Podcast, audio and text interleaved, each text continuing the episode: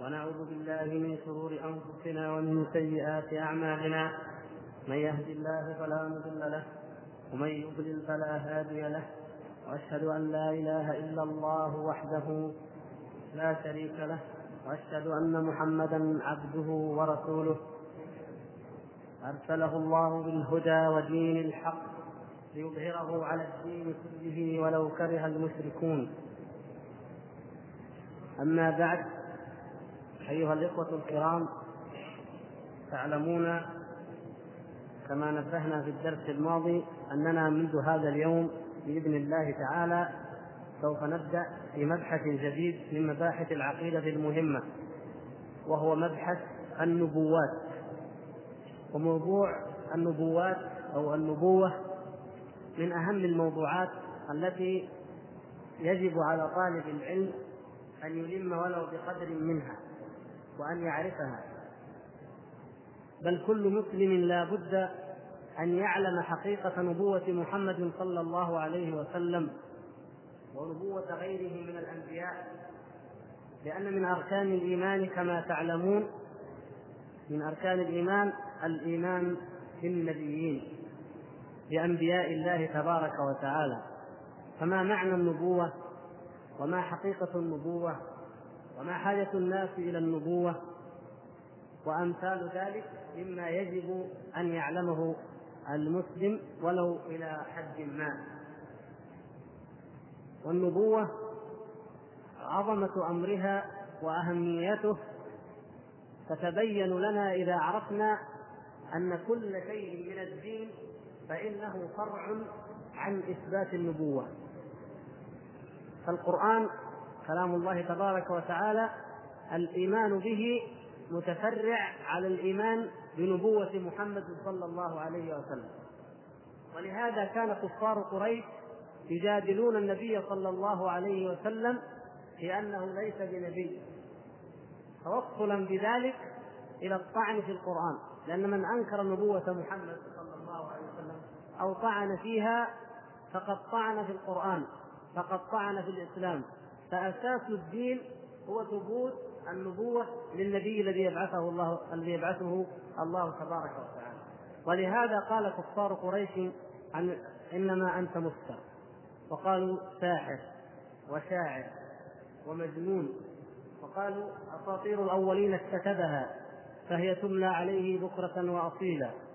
قالوا إن هو إلا إفك افتراه وأعانه عليه قوم آخرون فقالوا كل ما قالوا من أسباب إنما هي أساطير إنما علمه بعض الأعجمين إنما يعلمه بشر إنما يتلقاه عن كذا وعن كذا. كل أنواع الافتراءات انصبت التي تنكر القرآن فهي تكذيب لدعوى النبوة. وإذا كذبوا النبوة كذبوا النبي في دعوى نبوته صلى الله عليه وسلم فبعد ذلك ينكرون ما شاءوا من الإنكار. ولهذا كان مبحث النبوة مبحث كان مبحث النبوة مبحثا عظيما ومهما في أبواب العقائد. وقد ضل فيه كثير من المتكلمين بل أكثرهم ضلوا في هذا الموضوع إما ضلالا كليا وإما ضلالا جزئيا. فلم يعرفوا حقيقة النبوة ولم يدركوا معناها ولا غايتها. ولذلك فإنهم لما أرادوا أن يثبتوا نبوة النبي صلى الله عليه وسلم بالطرق الكلامية العقلية أوهنوا دين الإسلام. لأن ما قرروه من الطرق ومن الوسائل لإثبات النبوة ليست على الدرجة ولا بالقوة التي يمكن أن يؤمن بها كل عقل وكل ذي لب لأنها منحرفة عن منهج القرآن والسنة في إثبات نبوة النبي صلى الله عليه وسلم. فلما أرادوا إثباتها بطرق محصورة معدودة كما سنبين إن شاء الله بالتفصيل كان ذلك مما أوهن وسهل لأعداء الإسلام أن يطعنوا في دين الإسلام. ولهذا قال شيخ الإسلام ابن تيمية عن هؤلاء الناس إنهم لا للإسلام نصروا ولا للفلاسفة كفروا الفلاسفة الذين ينكرون النبوات. ومنهم كما يقال البرهمية الذين هم في الهند عباد الأبقار. هؤلاء ينكرون النبوات كثير من الفلاسفة ينكرون النبوة ويقولون لا حاجة لوجود نبي. وإنما العقول تغني عن الشرائع وأمثال ذلك من الترهات ثم قالوا إن دعوى الأنبياء بالنبوة ما هي إلا أناس عباقرة عظماء نابغين تعلموا أنواعا من الحيل مثل حيل السحرة وجاءوا إلى قومهم وقالوا نحن أنبياء وضحكوا على عقولهم بهذه المخاريق أو بهذه الخوارق العادة واتبعهم الأقوام وليس لها أي دليل من العقل.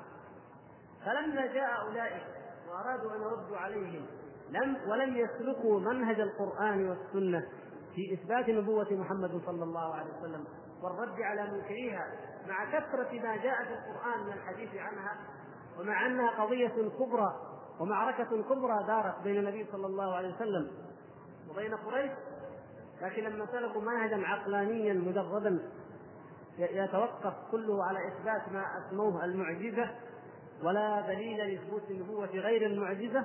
حصروه في المعجزة وحدها أو كثير منهم فعل ذلك فجاء أولئك وأبطلوا أيضا تأثير المعجزة. فكان ذلك مما هيأ لأن يطعن الطاعنون في دين الإسلام. إلا أن الإنسان الذي يقرأ الذي ينتهج في عقيدته منهج أهل السنة والجماعة والذي يقرأ كتاب الله تبارك وتعالى ويأخذ ويستقي منه كل ما يعتقد يجد أن إثبات نبوته صلى الله عليه وسلم أجلى من الشمس في رابعة النهار. وليس لسنا في حاجة إلى أن نتعلم من الطرق العقلية ما نرد به على منكرين نبوته صلى الله عليه وسلم.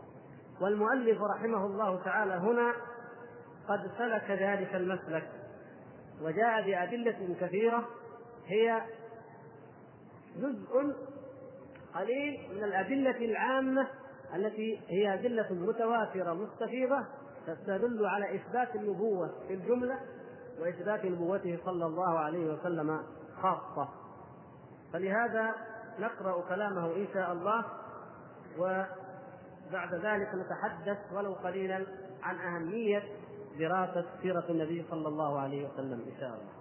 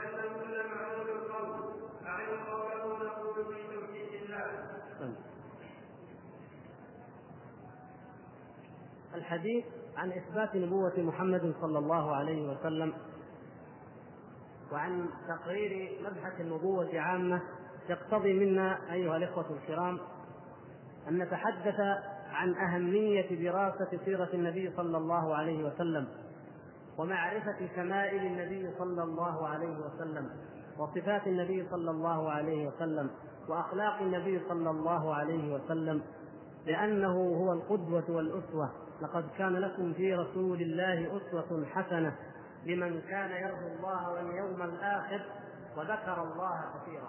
فكل مؤمن بالله وكل من ينتسب إلى هذا النبي العظيم فلا بد وهو حري ومشتاق بلا شك أن يقرأ سيرته ويطالع شمائله ويستنير بهداه صلى الله عليه وسلم. كل أمة من الأمم أيها الإخوة كل أمة وكل مبدأ وكل مذهب لا بد أن يكون له مثل أعلى لا بد أن يكون له نماذج حية يؤمن بها أصحاب هذا المبدأ ويتأسون بهذه بهذه النماذج بهذه الشخصيات ويقتدون بها ويشهرون اسمها ويخلدون أعمالها ويرفعون أمجادها. هذه سنة جعلها الله سبحانه وتعالى.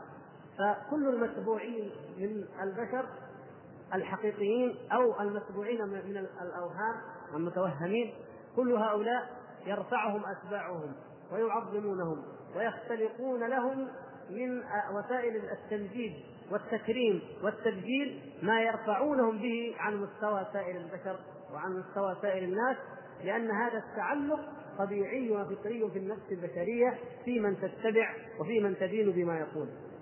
ولكن نبينا محمد صلى الله عليه وسلم هو سيد ولد آدم أجمعين وأفضل الأنبياء والمرسلين والذي زكاه وطهره هو ربه سبحانه وتعالى وأثنى عليه ربه تبارك وتعالى.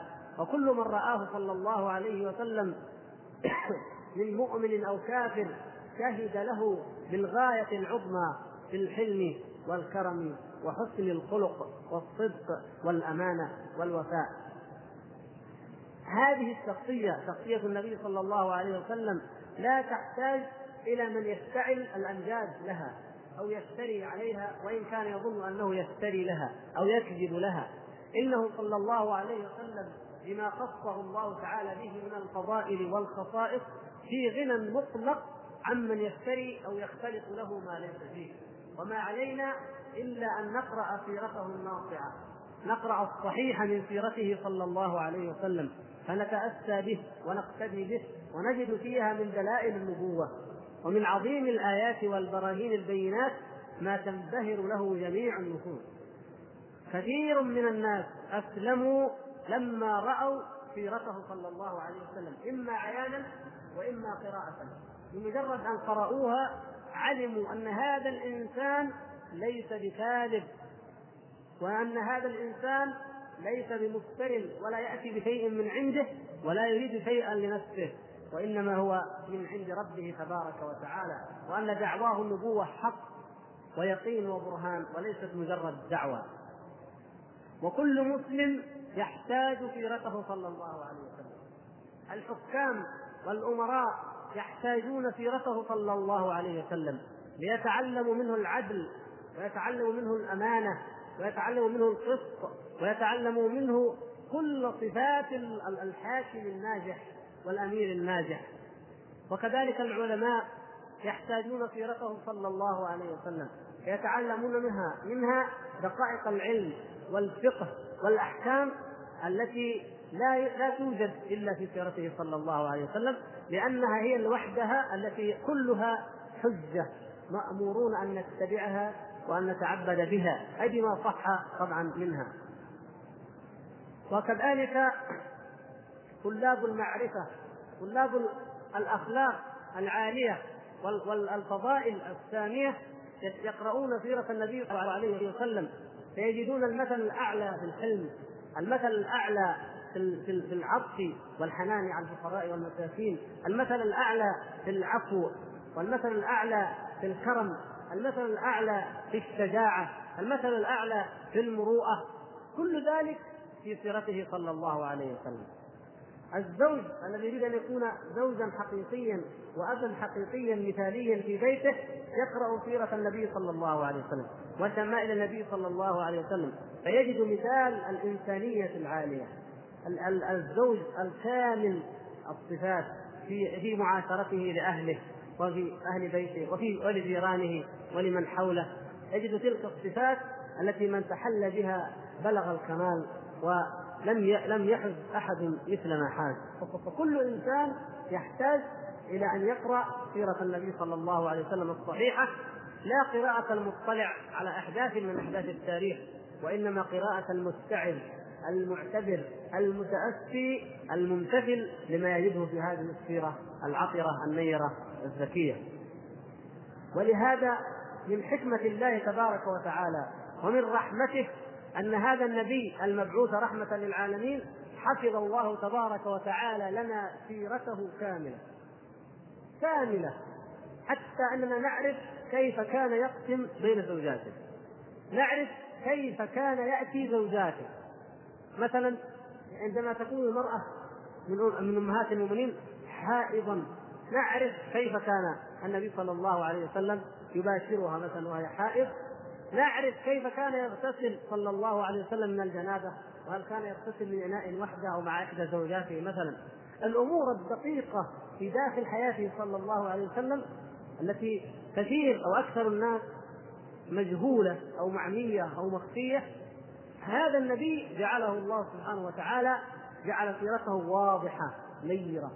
ليس هناك شيء من سيرة النبي صلى الله عليه وسلم طهره الله وزكاه أن يكون فيه شيء مما يعاب أو يذم أو يخشى لو انكشف لكان طعنا فيه فيخبأ. لا. أما غيره من البشر من الزعماء من المتبوعين من كذا من كذا فإنك تجد أن جوانب كثيرة من حياتهم مخفية مجهولة لأنهم لو انكشفت أو لو فضحت ولو اطلع عليها الناس لرأوا فيها من المعايب ومن المعاوج ولذلك تجد سيرة كثير من هؤلاء الأدعياء الذين يدعون الكمال أو يتوهمه فيهم أتباعهم تجد أنها متناقضة تجد أنها تعدل دائما. في كل مرة في كل زمن يعدل ويحدث لأن هذا اكتشفوا أنه باطل وهذا اكتشفوا أنه يؤدي إلى معنى عكس ما أرادوا لما وضعوه. وهذا الشيء إذا اطلع عليه كان نقصا في حق من اطلع عليه وهكذا. إلا محمد صلى الله عليه وسلم. فكل ما صح من سيرته صلى الله عليه وسلم فإنه الغاية في الحق والكمال وهو قدوة وهو معيار لأن نقيس به ما عداه فمن كان باطل وهو المرذول وهو المخالف والمجانب للصواب. فلذلك نجد أن الإنسان إذا أراد التأسي فإنه يمكنه أن يتأسى بسيرة واضحة في مسجده صلى الله عليه وسلم في بيته في قيادته للجيوش في سياسته للأمة عامة في معاملته مع أصحابه في معاملته مع أعدائه. كلها أمور واضحة بينة.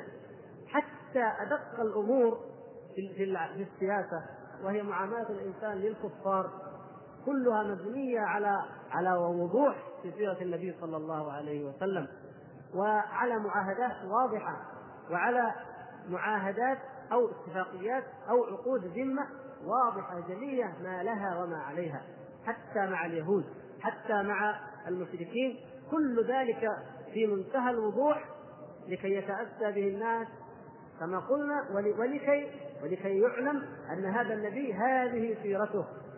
فلنتحدى العالمين جميعا. هذه سيرة نبينا صلى الله عليه وسلم. اقرأوها ماذا تجدون فيها؟ أي مطعن يمكن أن يجده الصائعين في هذه السيرة الزكية العطرة؟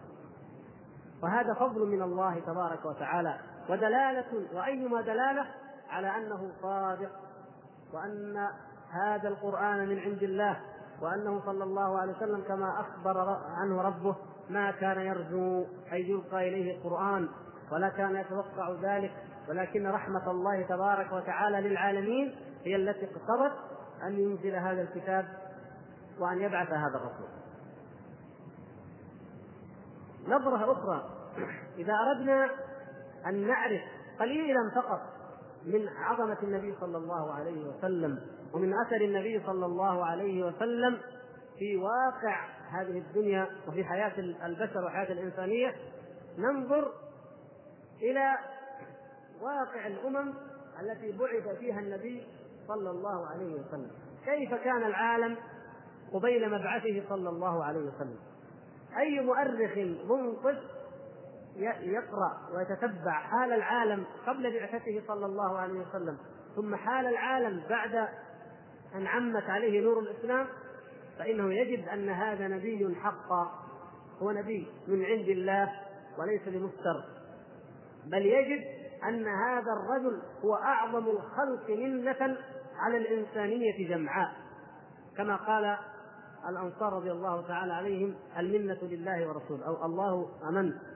المنة لله ولرسول الله صلى الله عليه وسلم على سائر البشر وعلى الإنسانية جمعاء وعلى سائر الحضارات. فإن الأمة التي بعث فيها النبي صلى الله عليه وسلم هي أمة العرب. وما أدراك ما أمة العرب في الجاهلية. ماذا كان العرب؟ لما ذهب وفد المسلمين إلى كسرى إلى رستم قائد جيوش كسرى. وتقدموا هنالك وأخذوا يتوغلون في بلاد فارس وأرسل إليهم سعد بن أبي وقاص رضي الله تعالى عنه الرسل. وكان منهم ربعي بن عامر وكان المغيرة بن شعبة الصحابي كلهم يواجههم رستم يقول أنتم العرب كنتم تأكلون الميتة كنتم تأكلون الجعلان كان بعضكم يعتدي على بعض كنتم تفعلون يدم بأنواع من الدم فما الذي جاء بكم؟ ما الذي جرى؟ ما الذي حصل لهذه الأمة؟ فماذا كان يجيبه المغيرة وربعي بن عامر يقول أيها الأمير كان فينا ما تقول وأعظم وأعظم أنت لا تدري. الفرس والروم كل من أراد أن يطعن في العرب لا يدري عن المعايب الأخرى. هم أعلم الناس بما كانوا فيه من الضلال وأعلم الناس بما كانوا فيه من الانحطاط ومن الظلم ومن الفحشاء. ماذا كان حال العرب من حيث الفضائل والأخلاق؟ كانت كما جاء في الحديث الصحيح كان الزواني ينصبن الرايات في الأسواق فيأتي عليهم الرجال الواحد بعد الآخر فإذا ولدت ألحقته بمن شاءت هذه أحدى صور النكاح التي جاء الحديث الصحيح في عن عائشة رضي الله تعالى عنها إحدى صور النكاح في الجاهلية وكانت عادية. كان الإنسان يستلحق من ليس بابنا له ويدعيه ويأخذه. كانت قطيعة الأرحام إلى حد كما قال شاعرهم وأحيانا على بكر أخينا إذا ما لم نجد إلا أخانا. نغير على القبائل كلها نأخذ ننهب ما وجدنا إلا أخانا أغرنا على أخينا وأخذنا ما عنده. ليس هناك معيار ولا ضابط خلقي ابدا. كان وعد البنات إهانة المرأة احتقار المرأة كانت تؤد وهي حية تدفن وهي حية تدس في التراب كما قال الله تبارك وتعالى وهي اهدارا لإنسانيتها واهدارا لكرامتها ماذا كان العرب يعبدون؟ كانوا يعبدون حجارة كان أحدهم يجمع العجوة من التمر فيعبده فإذا جاع أكله أكل إلهه الذي كان يعبد كيف كان العرب يتحاكمون؟ كانوا يضربوا بالأزلام فإذا انقلب على الجهة هذه قالوا حكم لفلان إذا وقع على هذه الجهة قالوا حكم على فلان. كانوا يذهبون إلى الكهان ويتحاكمون إليهم في أي شيء في أمر أي من أمر من الأمور والكهان يحكمون بينهم. كان السادة والكبراء يتحكمون ويتسلطون. وأما الذين من بيوت أو من أسر عادية أو دون ذلك من طبقات المجتمع فلا قيمة لها. ولا وزن مهما كان فيها من الخير أو من النبوغ أو من الفضائل. أمور كثيرة لا يحصيها العد وقد جاءت في الكتاب وجاءت بعضها في السنة وفي الكتاب وجاءت في ديوان العرب الذي هو شعر العرب وجاء في حياتهم وفي سيرتهم في الجاهلية ما يعطي الدلالة الواضحة على أن هذه الأمة لولا هذا الدين لما كانت شيئا مذكورا. بل لم تكن تسمى أمة. الشيء الوحيد الذي كان في العرب الميزة الوحيدة أنها كانت بعيدة عن الفلسفات. هذه نقطة مهمة جدا. بعيدة عن الفلسفات وعن الحضارات. الإسفاف الذي كانت تعيشه كان تدنيا وإسفافا مع وجود الفطرة. التي تشعر أن هذا إسفاف؟ ولهذا لما كان أحدهم يعبد الصنم فجاء إليه وجد حجر فوجد أن الثعلب قد رقى عليه وبال عليه. فقال أرب يبول الثعلبان برأسه؟ لقد ظل من بالت عليه. نكمل الفقرة التي تحدثنا عنها من قبل في موضوع النبوة والعبودية. تعليقا على قول المؤلف رحمه الله تعالى عندما قال واعلم أن كمال المخلوق في تحقيق عبوديته لله. فلما قال صاحب المثل الإمام الطحاوي ونشهد أن محمدا وأن محمدا عبده المصطفى علق الشارح بأن كمال المخلوق في كمال عبوديته لله سبحانه وتعالى. فمن كان أقرب كلما كان الإنسان أكثر عبودية لله كلما كان أقرب من الكمال. ومن تحقيق الكمال. ولهذا كان النبي خوطب النبي صلى الله عليه وسلم في أعلى درجات التكريم كما كان في ليلة الإسراء والمعراج آه، أو وصف فقال الله تبارك وتعالى سبحان الذي أسرى بعبده ليلا من المسجد الحرام إلى المسجد الأقصى. وذكر أيضا مواضع أخرى فأوحى إلى عبده ما أوحى أيضا في موضوع نزول الوحي. وذكر حديث الشفاعة عندما يتأخر الأنبياء جميعا ويعتذرون عن الشفاعة للخلائق يوم القيامة أن يصب الله سبحانه وتعالى الموقف وأن يفصل بين الناس فيتأخر كل الأنبياء من آدم إلى عيسى عليهم السلام أجمعين إلى أن يقول عيسى عليه السلام اذهبوا إلى محمد عبد غفر له ما تقدم من ذنبه وما تأخر. عبد غفر له ما تقدم من ذنبه وما تأخر. فوصف العبودية هو أعظم وصف. ولذلك كلما كان الإنسان عبدا حقيقيا لله عبدا لله تعالى في بيته في عمله في مسجده في محكمته في أي مكان حل فيه هو عبد يحقق عبودية الله في هذا الموضع وما افترضه الله في هذا الوقت فهو أقرب إلى إلى الكمال.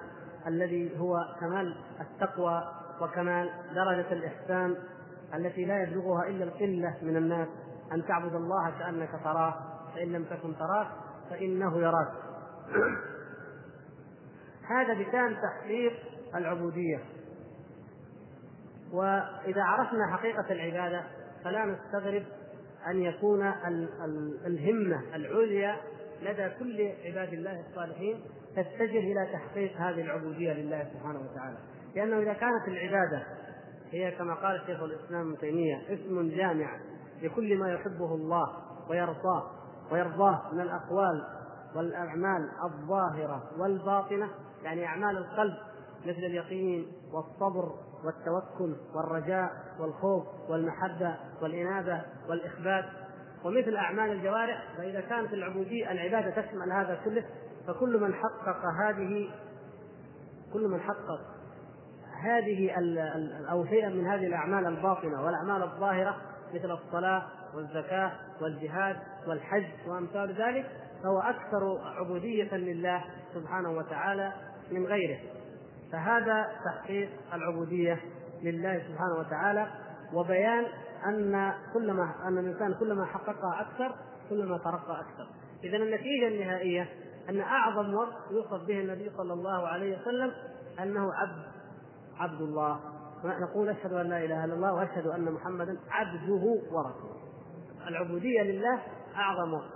فالنبي صلى الله عليه وسلم هو العبد الذي تحققت فيه العبودية الكاملة لله عز وجل بما لم يتحقق في أي مخلوق. ولهذا فإنه في يوم الحشر يوم القيامة حتى الأنبياء يتراجعون إلى أن يصل الأمر إليه صلى الله عليه وسلم فيقول أنا لها أنا لها. لأن العبودية الكاملة متحققة فيه صلى الله عليه وسلم. وهو أمرنا. قال لا تطروني كما أطرت النصارى ابن مريم. الإطراء والمبالغة في الثناء.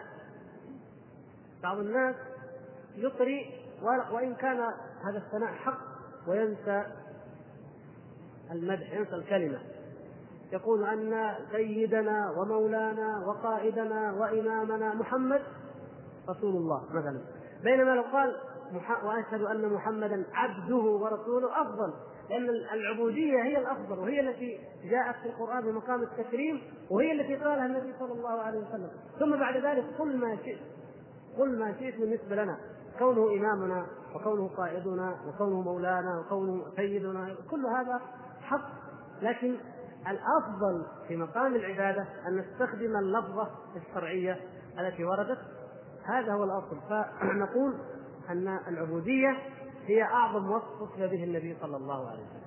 فمن بالغ فيه وظن أنه يمدحه فهذا ليس الأعرابي. كيف استوى الأعرابي؟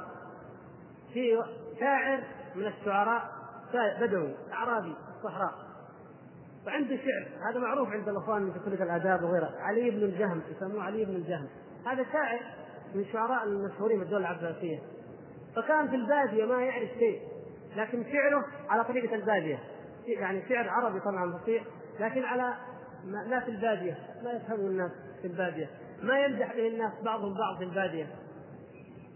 فلما جاء إلى الخليفة في بغداد وأراد أن يمدحه فمدحه بقصيدة. فقال له أنت كالكلب في الحفاظ على العهد وكالسيف في قراع الخطوب فالناس قال إيش قلت أنا؟ قال هذا الخليفة أمير المؤمنين شبه بالكلب بالسيف. سبحان الله هذا الشاعر ما يريد إلا المدح وما قصده إلا الثناء وما قصده إلا جائزة من الخليفة. ما قصده يعني إيش فيها الكلب إيش فيها السيف؟ هذا بدوي مسكين. يعرف السيف الغنم يرعى الغنم ويعرف الكلب إنه هو اللي يحميها من الذئب هو اللي يعني يعني خد الوفاء الوفاء عند هذا البدوي متمثل في الكلب والقوة عنده في السيف اللي ناطح الصخور وناطح الحجارة. فلما يبغى يمدح الخليفة إيش يبغى يقول؟ هو هذا اللي يعرفه. هذا على قد ما يعرف. ولهذا يقولوا إنه لما الخليفة قال لهم دعوه دعوه. بعدين أرسل إلى بعض أعطاه قصر وأعطاه ثروة وأعطاه املاك وتركوا فترة كذا بعدين قال له تعال. فماذا قال؟ قال عيون المها بين الرصافة والجسر غلبنا الهوى من حيث أدري ولا أدري. شفتوا دحين كيف؟ انتقل تغير. لما عاش في بيئة فيها نعيم وجاب الشعر الراقي أو الشعر الحضاري على أي حال. وإن كان قد لا يكون راقيا في الميزان الشرعي المهم لما نقول للواحد اللي يحب الرسول صلى الله عليه وسلم يمدح زي ما يبغى. هو يمكن يمكن أكثر المسلمين اليوم بالجهل بمقام النبي صلى الله عليه وسلم مثل هذا البدوي في جهله بمقام الخليفة. إيش در المسلمين؟ إيش در أكثر الجهال إنه مقام النبي صلى الله عليه وسلم؟ ومن مدح النبي صلى الله عليه وسلم أنك تقول فيه هو عبد يمكن لو تقول بعض الرسول عبد يزعل رسول الله هذا سيد العالم تقول عبد هكذا جهل ويمكن يروح يمدحه بشيء ما, ما هو فيه بشيء يدعو إلى السخرية. وهذا معروف. ولا يحتاج أن نذكر لكم أن تعرفون الأمثلة. الذين يمدحون الرسول صلى الله عليه وسلم بأنه كان الذباب لا يقع عليه وكان القمل لا يؤذيه. هذا مدح الرسول صلى الله عليه وسلم. هل هذا هو المدح الذي مدحه الله به؟ هل هذا هو الذي أثنى عليه؟ ومع ذلك يؤلفون في ذلك الكتب ويقولون إن من يقدره حق قدره صلى الله عليه وسلم ومن يدعو إلى التمسك بسنته إن هذا يكره الرسول. هذول يكرهوا الرسول لأنهم ينكروا علينا هذا المدح. وهذول يقولوا لا تكرهوا الرسول لا تبالغوا في مدح الرسول اذا هم يكرهون الرسول. لكن هم عندما يمدحونه بهذا بالذباب وبالجمل بهذا الكلام يشوفوا إنه هذا غاية المدح مثل ما كان ذاك البدوي يشوف اذا يا إخوان ليس الأمر مسلوسا إلى آرائنا ولا إلى أهوائنا نمدح بما نشاء ونذل بما نشاء وإنما نمدحه صلى الله عليه وسلم في حدود ما أمر الله.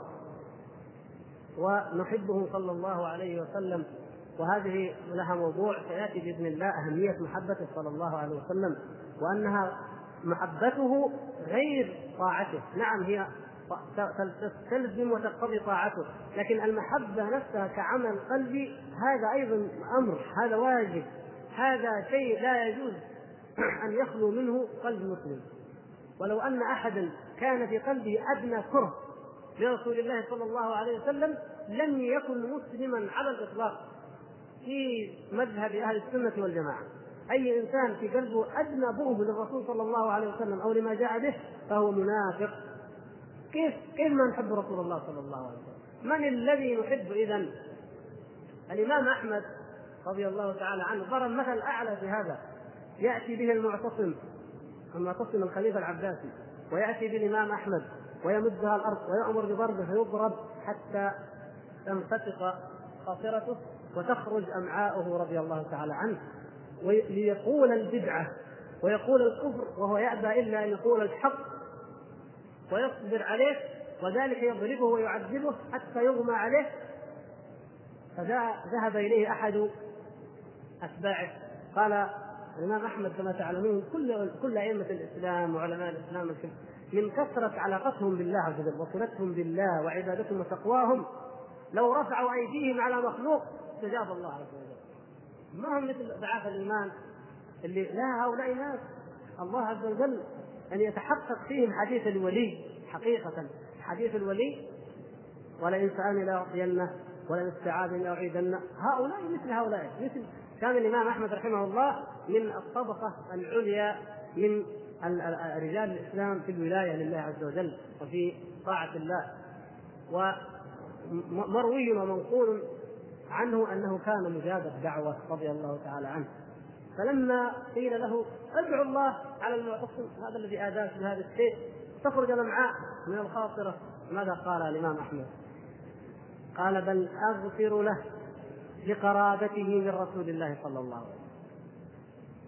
شوف احسب المعتصم ابن مين ابن مين ابن مين ابن العباس والعباس عم محمد صلى الله عليه وسلم.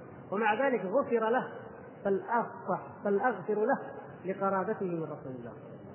فأهل السنة والجماعة ينكر قرابة الرسول صلى الله عليه وسلم أو ينكر محبة الرسول صلى الله عليه وسلم؟ لا والله لا يمكن هذا أبدا. لكن الذي ننكره هو الغلو في أي بشر كائنا من كان ورفعه عن مستواه وعن درجته. وننكر أن ينزل النبي صلى الله عليه وسلم عن منزلته أيضا. إن الله تعالى بعثه بالهدى وبالنور وبدين الحق رحمة للعالمين أجمعين. فمن أراد أن يجعل من هذا الرسول مجرد ذكرى موسمية تؤكل عليها الموائد أو يحتفل بها أو يحتفى بها أو وسيلة للتكسب وللمجد الشخصي أو لأي غرض من أغراض الدنيا فإن هذا يحقر ويهون من شأن النبي صلى الله عليه وسلم. وما كان وما هكذا عني أصحاب محمد صلى الله عليه وسلم بنبيهم الذي كانوا يعرفون قدره والذي كانوا الذين كانوا يعذرونه ويوقرونه ويعظمونه كما شرع الله تبارك وتعالى. وما علينا إلا أن نتأسى بهم وأن نقتدي بهم. لعلنا نترك موضوع الذين أنكروا لوازم العبودية لأنه وردنا أسئلة. فالأسئلة أفضل أن نجيب عليها ونترك الدرس إن شاء الله للحلقة القادمة. حتى الإخوان الذين ذهبوا قبل المغرب لا يفوتهم شيء.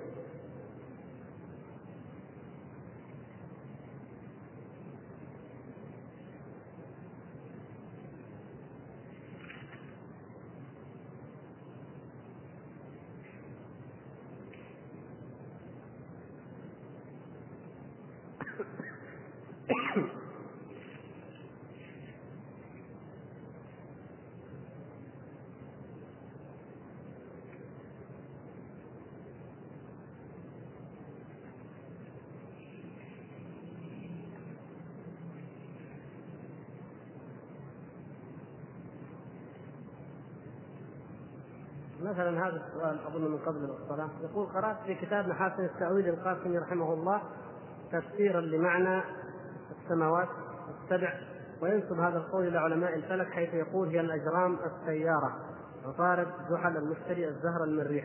واكتشف الآن سياران آخران هما أورانوس ونبتون وقال إن العلم الآن أثبتها سبعا والقرآن أثبتها سبعا. فهذا الاكتشاف الذي ظهر بعد النبي صلى الله عليه وسلم بألف ومئتي سنة دل على معجزة القرآن ونبوة المرسل إليه صلى الله عليه وسلم. فهل الكتاب والسنة يؤيدان هذا المذهب؟ مع أنني أعتقد ولا أزال بأن السماوات السبع كما ذكر في القرآن هي طباقا مصداق الآية وأنها مبنية مصداق للآية الأخرى وليست أجراما سيارة. أرشدنا إلى القول الفصل حقيقة عندما كان حديثنا اليوم عن دلائل نبوة النبي صلى الله عليه وسلم. جدير بنا أن نتطرق إلى مثل هذا الموضوع لأن كثيرا من الناس يستدلون على صحة نبوة النبي صلى الله عليه وسلم بأمثال هذه الكشوفات ما يسمى الكشوفات العلمية. ولا اعتراض على ذلك لأن هذا النبي صلى الله عليه وسلم نحن واثقون من صدقه فلله الحمد والمنة. واثقون أن ما جاء به هو الحق. واثقون أن كل حديث صح عنه صلى الله عليه وسلم فإنه مهما تطورت المراصد ومهما تطورت المعامل والأبحاث والعلم البشري فإنه لن يرقى إلى أن يعارض هذا الحديث أو أن يظهر أن هذا الحديث باطل. نحن عندنا يقين بهذا ونحن الآن في هذا القرن لا ندري ماذا يحدث الله عز وجل من علوم في القرون المقبلة. ربما أحدث من العلوم أضعاف أضعاف ما هو حادثنا اليوم. ومع ذلك لدينا الثقة المطلقة ولله الحمد بأنه لا يمكن أن يأتي ما يخالف ما جاء به هذا النبي صلى الله عليه وسلم لأنه وحي يوحى من عند الله تبارك وتعالى وليس هوى ولا كلاما من عنده صلى الله عليه وسلم. لكن الذي ننكره هو مثل هذه التأويلات أو أن الإنسان يتعسف ليستدل. طيب لو جاء واحد كما تعلمون القاسمي رحمه الله متقدم يعني متقدم بالنسبة للقرن هذا في أول هذا القرن والكلام اللي كتبه مثلا يقول آه بعد كم؟ بعد 1200 سنة. بعد 1200 سنة العلماء الغربيين اكتشفوا خمسة وقالوا اكتشفنا كمان اثنين صارت سبعة. يعني في القرن الثامن عشر والتاسع عشر. طيب الآن كم وصلت المجموعة الشمسية؟ الآن تسعة مؤكدة واثنين فيه افتراض لوجودهما. يعني نحن الحقيقة معلوماتنا الفلكية أيضا ما هي لأنه نحن بنقرأ في الكتاب يمكن صدر قبل ثلاث سنوات ويمكن نكتشف شيء في الشهر الماضي في الأسبوع الماضي لكن من آخر ما قرأت أنها الآن 11 إذا بطل كونها سبعة إذا ما الدليل؟ إذا قلنا أن الدليل على صدق نبوة محمد صلى الله عليه وسلم أنه قال سبعة والعلم أثبت أنها سبعة. قال واحد لا يا أخي العلم أثبت أنها 11 إذا شوفوا يا إخوان شوفوا مقدار الزلل والخطأ الذي يجعلنا نقع في مثل هذه الأمور. نترك الفلك للفلكيين لا شأن لنا به. نبينا صلى الله عليه وسلم غني كل الغنى. وديننا غني كل الغنى بالاستدلال على صحته عن أن نحتاج إلى كلام هؤلاء الفلكيين. هذا القول أيضا خطأ. يعني طبعا أنا استثني واعود أكد إن لا نقول أن لا نستشهد بأي شيء من علم الفلك، لكن نتأكد. هذا القول خطأ وعدم غير متأكد فيه، الدليل على ذلك أن اعتبار المريخ والمشتري والزهرة هي السنوات السبع حتى لو فرضا ما زادت عن سبع هذا ليس هو ما دل عليه الكتاب والسنة. وأخطأ الشيخ القاسمي غفر الله له عندما قال ذلك. الكتاب والسنة يدل على أن السماوات السبع أجرام حقيقية أجسام حقيقية عظيمة وأنها كل سماء ففوقها سماء بينهما فراغ ثم سماء ثم سماء كما دل على ذلك الحديث الصحيح المتفق على صحته بين المسلمين جميعا. وهو الإسراء والمعراج. والنبي صلى الله عليه وسلم ترقى من سماء إلى سماء إلى سماء.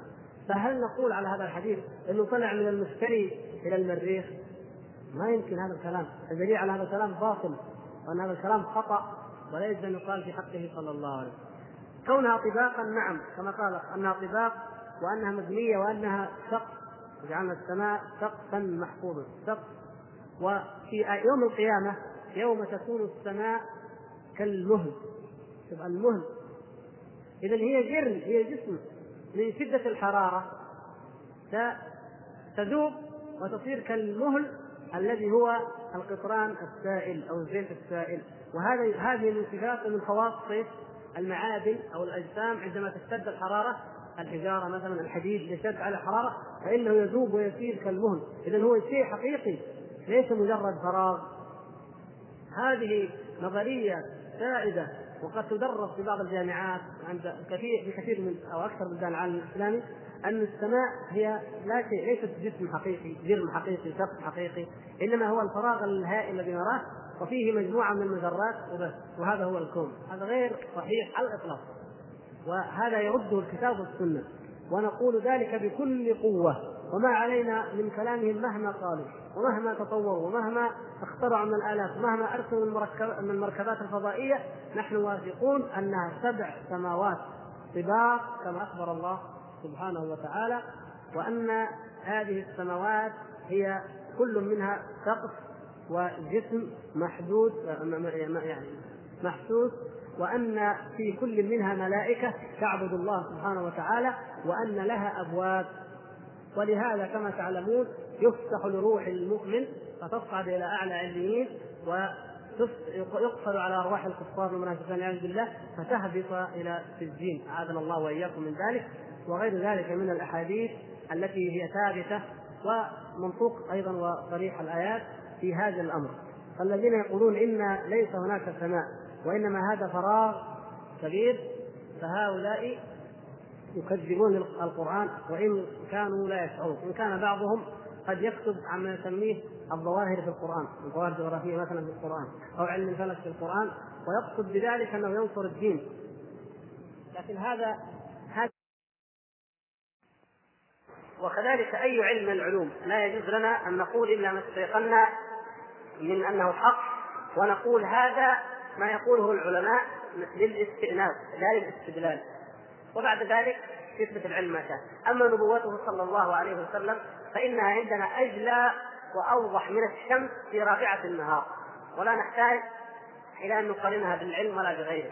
ولكن لأن الأمة الإسلامية وهذا قد نبهنا عليه لأنها كانت تعيش في هزيمة نفسية شديدة أمام الحضارة الغربية وأمام العلم الغربي. ولأن دعاة الإلحاد قالوا والآن ظهر العلم فبطلت جميع الأديان فجاء من يدافع عن الدين من المسلمين ويقول لا العلم يقول إن الدين صحيح. انظروا قال العلم كذا وقال الإسلام كذا قال العلم كذا وقال الدين كذا. وهذا في الحقيقة كأننا جعلنا العلم البشري معيار نقيس به الإسلام. ولهذا تجد بعضهم لما طلعت الاشتراكية وكانت لها موضة قال الإسلام الإسلام هو دين الاشتراكية وكل الاشتراكيه هي في الإسلام. جاء لما الديمقراطية كانت لها سمعة قالوا الديمقراطية هي في الإسلام والإسلام هو دين الديمقراطية. كل ما يعني أعجبهم شيء أو فكرة قالوا هذه موجودة عندنا ما نحتاج الغرب ما نحتاج كذا. قصدهم بعضهم على الأقل الدفاع عن الدين لكن ليس هكذا. نحن لا ندافع عن دين الله عز وجل بأن نقيسه ونقارنه بعلم أهل الأرض أو بأفكارهم وإنما هو أسمى وأعظم وأجل من كل ذلك. من المبادئ والمذاهب والتطبيقات أو من العلوم والكشوفات.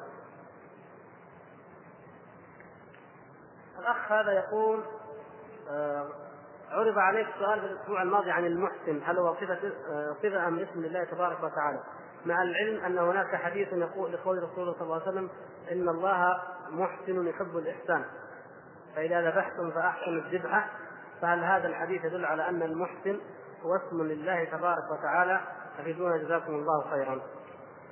آه كان ينبغي للأخ هذا الجزاء الأخير أن يذكر هذه الرواية التي فيها إن الله محسن أن يذكر أن يخرجها ويذكر من رواها. فإذا ثبتت فلا كلام لأحد مع كلام رسول الله صلى الله عليه وسلم. وأما الرواية المحفوظة التي نعرفها فلا أعرف أن فيها إن الله محسن يحب الإحسان. وإنما هي إن الله كتب الإحسان على كل شيء. فإذا ذبحتم فأحسنوا الذبحة. وإذا أحد من الإخوان عنده شيء جزاه الله خير يفيدنا. ما تحفظه غير كذا. إذا الأخ هذا جزاه الله خير. إما أن يراجع الرواية هذه فين وجدها وإلا ينبهنا. جزاه الله خير.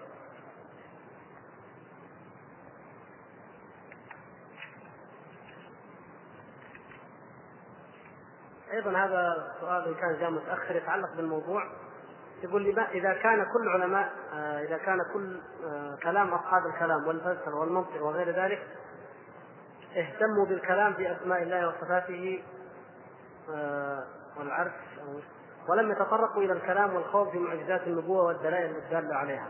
لا يا أخي تطرقوا هم تطرقوا لإثبات النبوة وكتبوا في دلائل النبوة المعتزلة هم من أشهر من كتب في دلائل النبوة. لكن الذي ننقده عليهم هو المنهج يستدلون هم على أن النبي صلى الله عليه وسلم نبي حقا لأنه له معجزات. وكذلك جميع الأنبياء فيقولون الدليل على صدق النبي هو المعجزة. وهذه المعجزة ما هي؟ هي أمر خارق للعادة. أي شيء خارق العادة.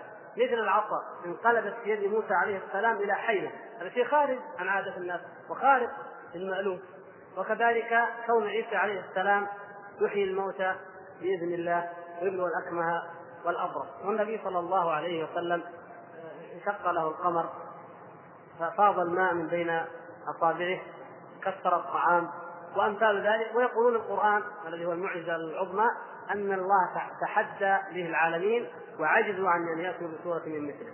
ولذلك من أول أول من أسس علوم البلاغة المعتزلة. علوم البلاغة الموجودة الآن.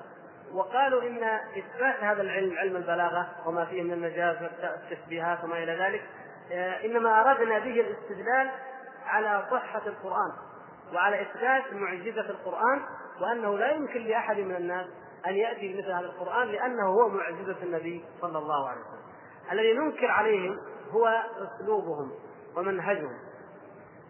ولا بأس أن نتطرق قليلا لمسألة قد نشرحها إن شاء الله في الدرس القادم بالتفصيل. وهي أن مما ننكره عليهم أنهم يحصرون معرفة النبي ومعرفة صدق النبي في هذه المعجزة يعني يعني ببساطة كأن في ناس في بلد كذا ماشيين جاء واحد من برا قال أنا رسول. إيش الدليل إنك رسول؟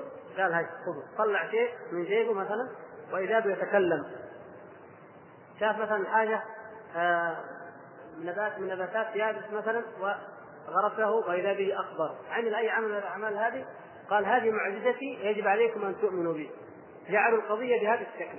فجاء الفلاسفة الذين ينكرون النبوات قالوا ممكن يكون هذا سحر ممكن يكون هذا مشعوذ. وعندنا سحرة يفعلون كذا وعندنا مشعوذين يفعلون كذا. إذا إذا لا تثبت النبوة على هذا الكلام. نحن نقول ليس النبي مجرد أنه إنسان هكذا جاء بمعجزة فقط. لا النبي صلى الله عليه وسلم كمثال سيرته وحياته من رآها ومن تأملها يعلم أنه نبي وأنه ليس بكذاب. بلاش نأخذ النبوة. ما شاء الله أي واحد من الناس تجالس أنت يوم يومين ثلاثة أيام تقدر تعرف أن هذا ما يمكن يكون كاذب؟ ما يكذب يعني يشتري فرية كبيرة جدا. دعوى النبوة ليست مسألة هينة لأنه لا يدعيها إلا أكذب خلق الله أو أصدق خلق الله. ما في وسط دعوى النبوة ما في وسط إما أكذب خلق الله أو أصدق خلق الله لأنه ما في شيء ليش؟ نضرب مثال من واقع الناس العلم العلم مثلا. لو جاء إنسان وقال لك أنا أعرف لغة إنجليزية أتكلم إنجليزي. لو غلط في كلمة في كلمتين في جملة ما توافق لأنه تقول غلط تدعي. لكن جاك واحد قال أنا أعلم واحد في الدنيا بهذه اللغة. بعدين تيجي تسأله ما يعرف ولا كلمة. من فين؟ قال أنا تعلمت في أمريكا في بريطانيا وحافظ القواميس وحافظ العلم كله.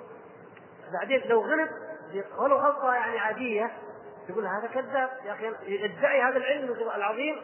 بعدين يعرف كلمة بسيطة ما يعرف. اذا هذا إيه؟ هذا كذاب. كذبه ما جاء من كونه غلط. لاحظوا يا إخوان مو لأنه غلط كل واحد يغلط. لكن لأنه ادعى شيء كبير جدا وغلط غلطة بسيطة جدا. ما يمكن هذا يكون. طيب هذا دليل عليه النبوة. ما هو واحد جاء قال يا ناس ترى أنا عندي علم. أنا بعلمكم شوية أنا عندي أخلاق أنا عندي فضائل بعلمكم إياها. نقول له طيب علمنا من فضائل الأخلاق. يقول عليكم بالصبر عليكم بالتقوى عليكم ممكن نصدقوا ونكذبوا ما يهمنا. لكن يقول لا أنا يوحى إلي من السماء معنى هذا أنك أفضل خلق الله. معنى هذا أنه يقول أنا أفضل من على وجه الأرض على الأقل في هذا في هذا البلد اللي أنا بعثت إليهم أنا أفضل واحد في هذا البلد. وأنا بعثت إلى إليكم والى الناس واختارني الله من بينكم وينزل علي جبريل من بينكم دعوة كبيرة جدا. طيب كذب. قلنا له هذا الدليل طلع دليل كذب ولو حاجة واحدة كذب وتنقلب عليه القضية. لو ادعى دعوة بسيطة كان ممكن يتحمل الخطأ لكن دعوة عظيمة. ثم يقع لمسيلمه لما قالوا له إن محمد صلى الله عليه وسلم سفل في عين علي فبرئ قال هات صاحب سفل في عينه فعمي. هذا لا يمكن يكون هذا صادق طيب يمكن أي واحد من البشر يمكن يكسب بعين واحد؟ ما تشفى صح ولا لا؟ يمكن. لكن ما يدعي النبوة. يقول أنا عبد من عباد الله الصالحين أو مثلا عنده دين إيمان يكسب عليه يقرأ عليه يمكن يتعافى يمكن ما يتعافى. لكن أما إنه تعمى هذا كذاب اذا هذا لا يمكن لا يمكن أن يصدق. قالوا إن محمد صلى الله عليه وسلم فرض على اصحاب الصلوات الخمس. إيش قال مسيلمة؟ قال لا نحن نخفف نخفف على الأمة. خليها ثنتين أو ثلاث. أو لا قال ثنتين صلوا واحد صلاة الصبح وصلاه الليل والباقي خففت عنكم. هذا كلام انسان هو يبغى يتسلل يبغى يغر الأتباع إنه تعالوا ليش تعبدوا كثير؟ أنا عندي ايسر وعندي أسهل بس يضمهم إليه. لكن النبي صلى الله عليه وسلم ليلة الإسراء والمعراج يراجع ربه. موسى يقول له إن أمتك لا تطيق ذلك هو يراجع ربه يا رب. يقول له. لما قال خمس خمس. ما في كلام ما في نقاش. لو فرضها خمسين قال لنا خمسين. أول الإسلام كان قيام الليل فرض عليه صلى الله عليه وسلم على أتباعه. قام الليل هو أتباعه. ما له اراده ما له اراده ينزل الله تعالى عليه عبس وتولى أن جاءه الأعمى. يقولها لنا. ينزل الله تبارك وتعالى عليه آه، عفى الله عنك لما أذنت لهم. يجيبها لنا. ينزل عليه. لولا كتاب من الله سبق. لمسكم لما أخذتم بعذاب أخذتم عذاب عظيم. في في في الاسرى يقولها لنا النبي صلى الله عليه وسلم ينزل عليها الله وتبدي في نفسك ما الله وتخفي في نفسك ما الله مبديه وتخشى الناس. والله حق أن تخشاه. يقولها لنا الرسول صلى الله عليه وسلم. ما هو ما بيده ما بيده. لازم يقول. الناس يتهمونه في افضل وفي أطهر امرأة في في في عهدها وهي عائشة وفيما بعدها. عائشة. الطاهرة الصديقة بنت الصديق يفتري عليها المنافقون ويفتري عليها الكذابون الاسم والفاحشة. ومع ذلك يقول اذهبي إلى أهلك. وينتظر ويهم ويغم النبي صلى الله عليه وسلم شهرين مهموم مغموم من هذه المسألة حتى جاءت براءتها من السماء. فمثال يدريها في لحظة الوحي جاهز بالليل ما في مشكلة. ما دام المسألة الفرق واضح جدا. لا يمكن أن نقارن النبي بالكذاب في أي حال من الأحوال. فدعوى النبوة دعوة عظيمة جليلة ولذلك لا يدعيها إلا أكذب الكاذبين أو أصدق الصادقين فقط. لا يمكن يكون هناك وسط شوفوا كتب الأدب يعني آه، من من يعني كون هذه هذا الموضوع عند الأمة الإسلامية موضوع بديهي وعادي وما أحد يحتاج إن واحد يدعي النبوة. فين؟ أين تذكر أخبار الذين يدعون النبوة؟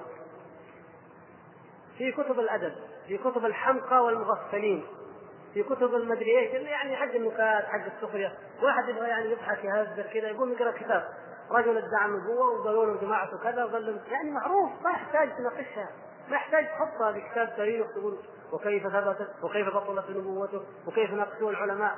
هذا يعني واضح إنه كذاب. ما تحطها تحطها في كتب الأدب اللي يعني تافهه يقرأها أي واحد عشان يضحك قال هي إيش النبوة؟ إيش عندك بالنبوه؟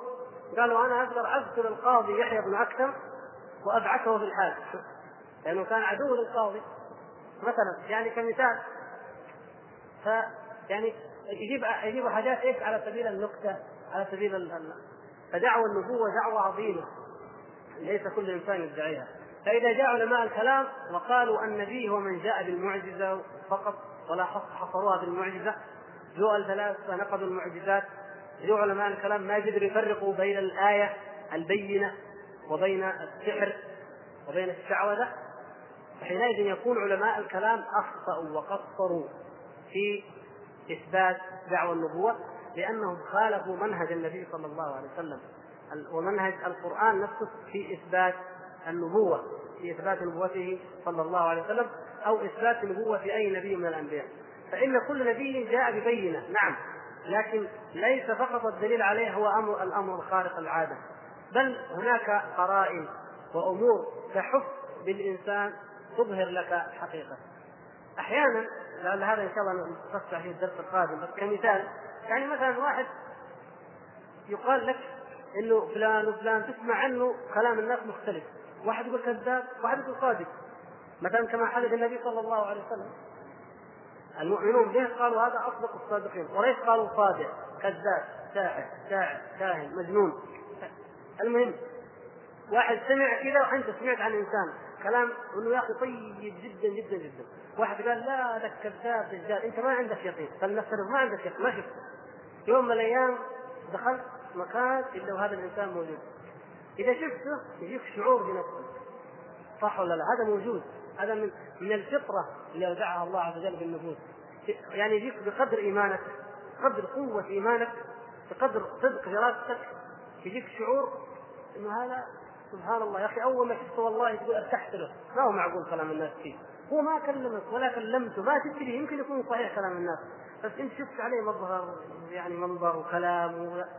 سبحان الله. تعجب ولذلك كان بعض المبتدعة يتوب إذا حضر عند بعض علماء السنة مرة واحدة بس يقول اذهب إليه شوف هذا العالم شوف عبادته وشوف قراءته وشوف علمه وشوف كلامه.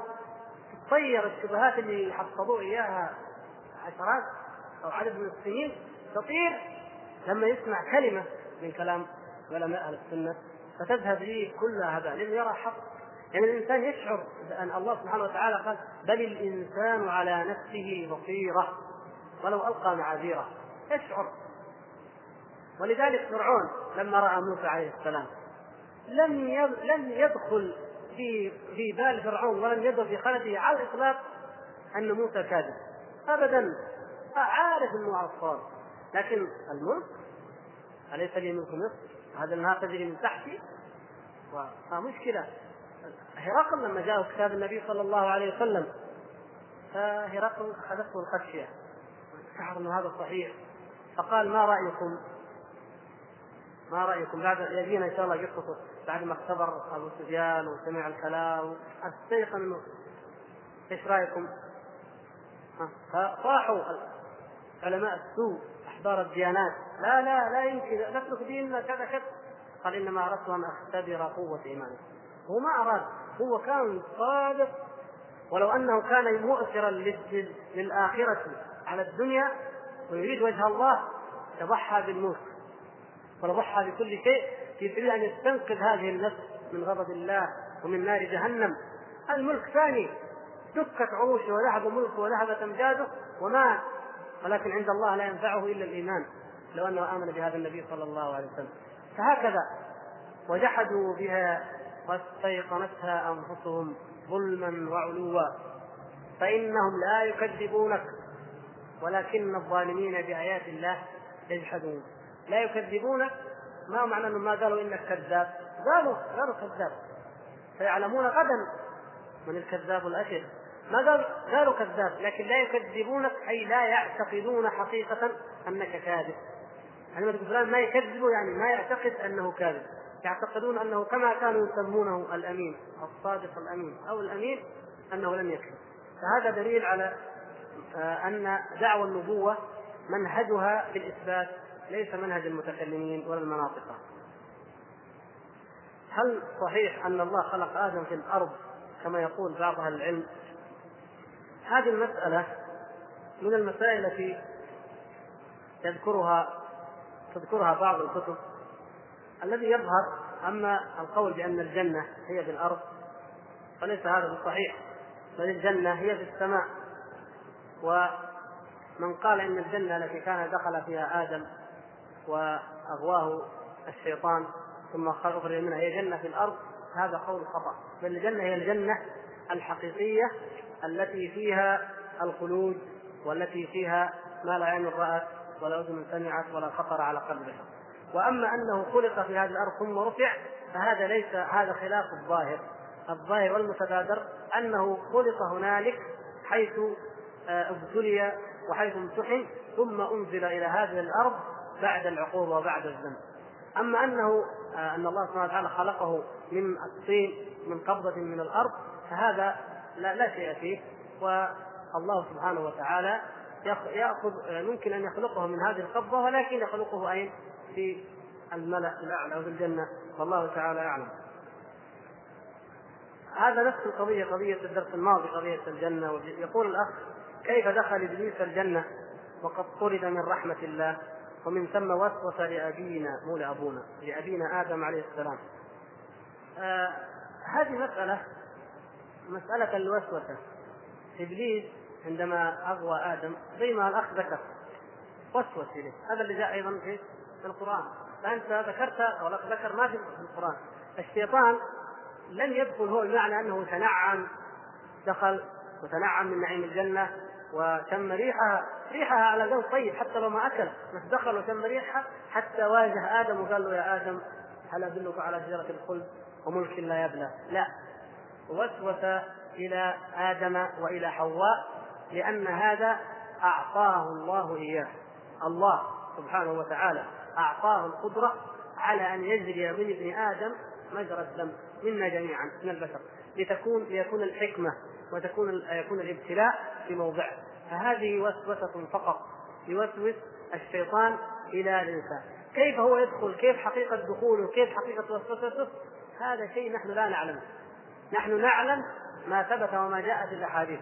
أنه إذا ذكر الله خنق وأنه يمد خرطومه. وأنه يجري مجرى الدم وأنه يعقد ثلاث عقد وأنه كما تعلمون في الأحاديث وأننا نحترز منه بكذا وبكذا وبكذا من الأذكار في حدود ما جاء به النص وأنه له عرش ويمد يبعث السرايا ثم يسألهم كما جاء في الحديث. كل ما جاء في هذه الأحاديث نؤمن به وما عدا ذلك فهو من عالم الغيب الذي نؤمن به ولكن لا نقول كيف لأننا نجهله ولا نعترض عليه ولا نرده. لأنه جاءنا عن الصادق المصدوق صلى الله عليه وسلم.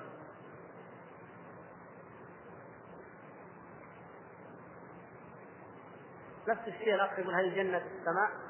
لأنه ورد في بعض آيات الله بقول الله تعالى إلى سيدنا آدم عليه السلام اهبطوا إلى الأرض ولكم فيها مستقر إلى حين. ما هي ما هكذا الآية؟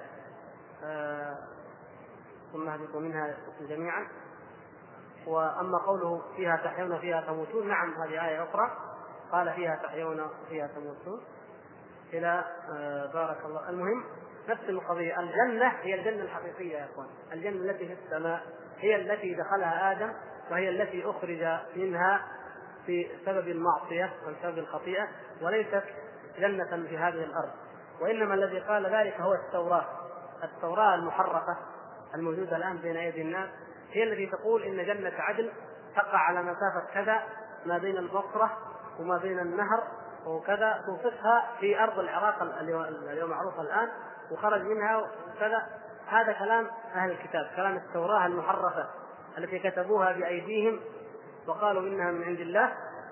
فجاء بعض أهل الكتاب ممن أسلم وبعض المسلمين ممن تلقى عنهم ونقلوا هذه الإسرائيليات إلينا وجعلوها جزءا من آه، تاريخنا في بعض الأحيان أو من تاريخ أنبياء الله صلوات الله وسلامه عليهم.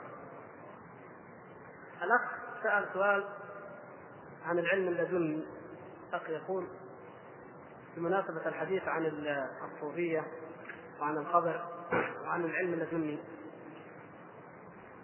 العلم يا إخوان الله سبحانه وتعالى جعل وسيلة العلم هي التعلم المعروف ونبينا محمد صلى الله عليه وسلم هو كما قال الله تبارك وتعالى والذي بعث في الأميين رسولا منهم يتلو عليهم آياته ويزكيهم ويعلمهم الكتاب والحكمة وإن كانوا من قبل لفي ضلال مبين. فعلمنا النبي صلى الله عليه وسلم علمنا الكتاب الذي هو القرآن وعلمنا الحكمة وهي السنة. كما قال واذكرن ما يتلى في بيوتكن من آيات الله والحكمة. الحكمة هي سنة النبي صلى الله عليه وسلم. فعلمنا النبي صلى الله عليه وسلم ذلك وتعلمه أصحابه صلى الله عليه وسلم.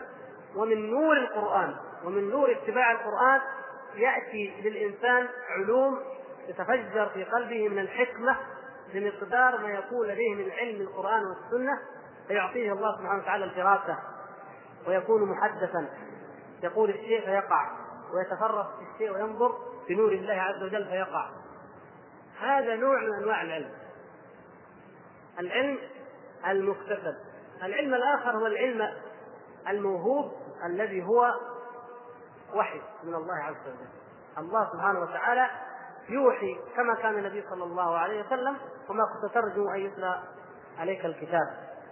فالنبي صلى الله عليه وسلم ما كان يرجو أن يلقى إليه الكتاب ولكن جاءه الوحي لما جاءه جبريل عليه السلام وهو في غار حراء فجاء إلى خديجة كما تعلمون القصة لا يدري من هذا الذي جاءه وما الذي جاء وما الموضوع. لا يدري ولا يرجو ذلك. هذه رحمة من الله وعلم من الله عز وجل أنزله عليه ثم أصبح معلم البشرية جمعاء.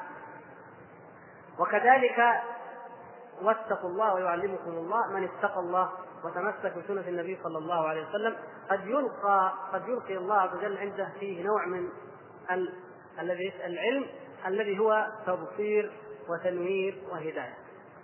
فالعلم إذا مكتسب أو موهوب وكل منهما يجب أن يستمد العلم الحقيقي الشرعي النافع يستمد من ماذا؟ من الوحي، إما أن الوحي ينزل وإما أنه من نور الوحي يستفيد الإنسان ويتنور قلبه وعقله فيفكر من خلال نور الوحي. العلم الآخر هو ما تقذفه وما توحي به الشياطين. لما سئل عبد الله بن عمر قيل له يا أبا عبد الرحمن إن المختار يزعم أنه يوحى إليه المختار بن أبي عبيد قال صدق تعجبوا قالوا كيف؟ صادق المختار إليه قال ألم تقرأوا قول الله تعالى وكذلك جعلنا لكل نبي عدوا شياطين الإنس والجن. يوحي بعضهم إلى بعض زخرف القول غرورا.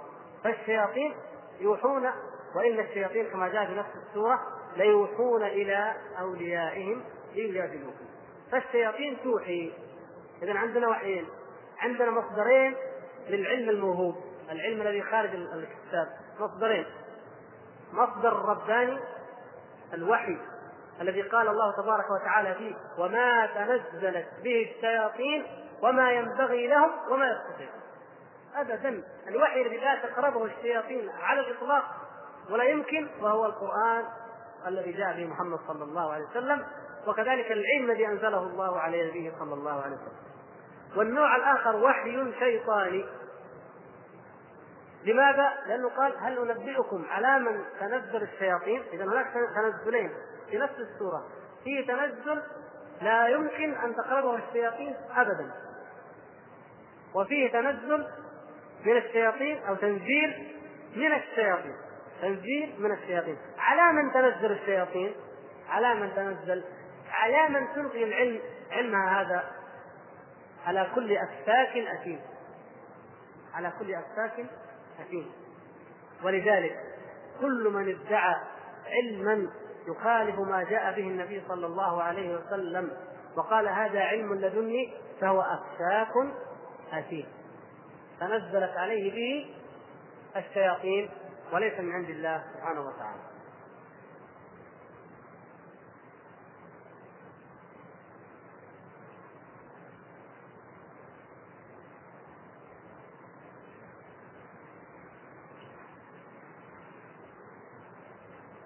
ابن عربي ابن سبعين. كل واحد منهم له قصة.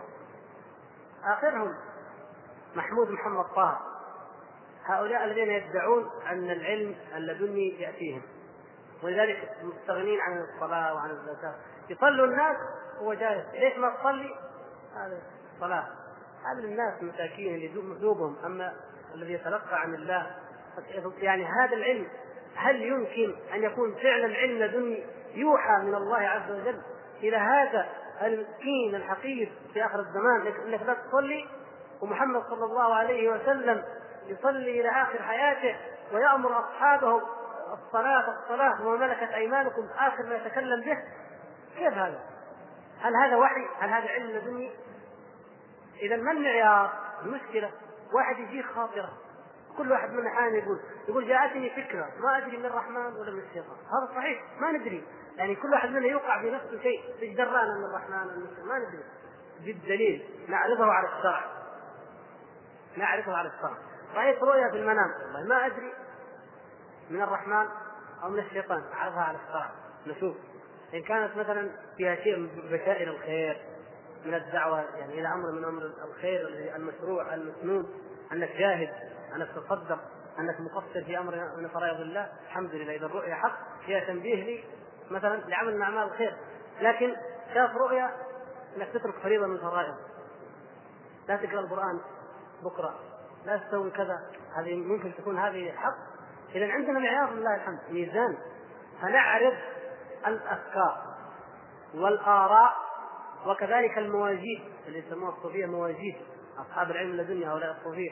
المواجيد الكشوفات الفيوضات كل شيء يسموه بأي اسم هذه كلها نعرضها على الكتاب والسنة. معيارنا هو الكتاب والسنة.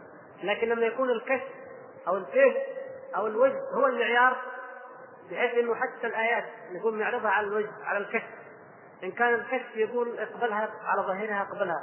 إن كان الكشف يقول اولها ناولها ما هذا بالضبط ذكره أبو حامد الغزالي في في حياة علوم الدين. لما تكلم عن موضوع الصفات ذكر رأي الصوفية قال انه مع معرفة ما يؤول من الصفات وما لا يؤول لا سبيل إلى علماء الكلام أن يعرفوه.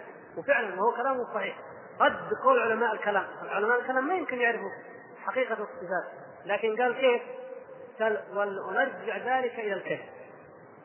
طيب الكشف حقي قال لا تثبت اليد. الكشف حق فلان قال لا تثبت اليد. صار كم دين عندنا؟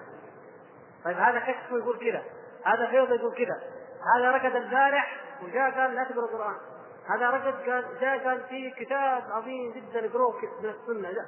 كل واحد إذا ركض أو إذا كشف أو جاب له شيء جانا تشريع من عنده. أيها نتبع اي الكشوفات نتبع ابن سبعين. ولا ابن عربي.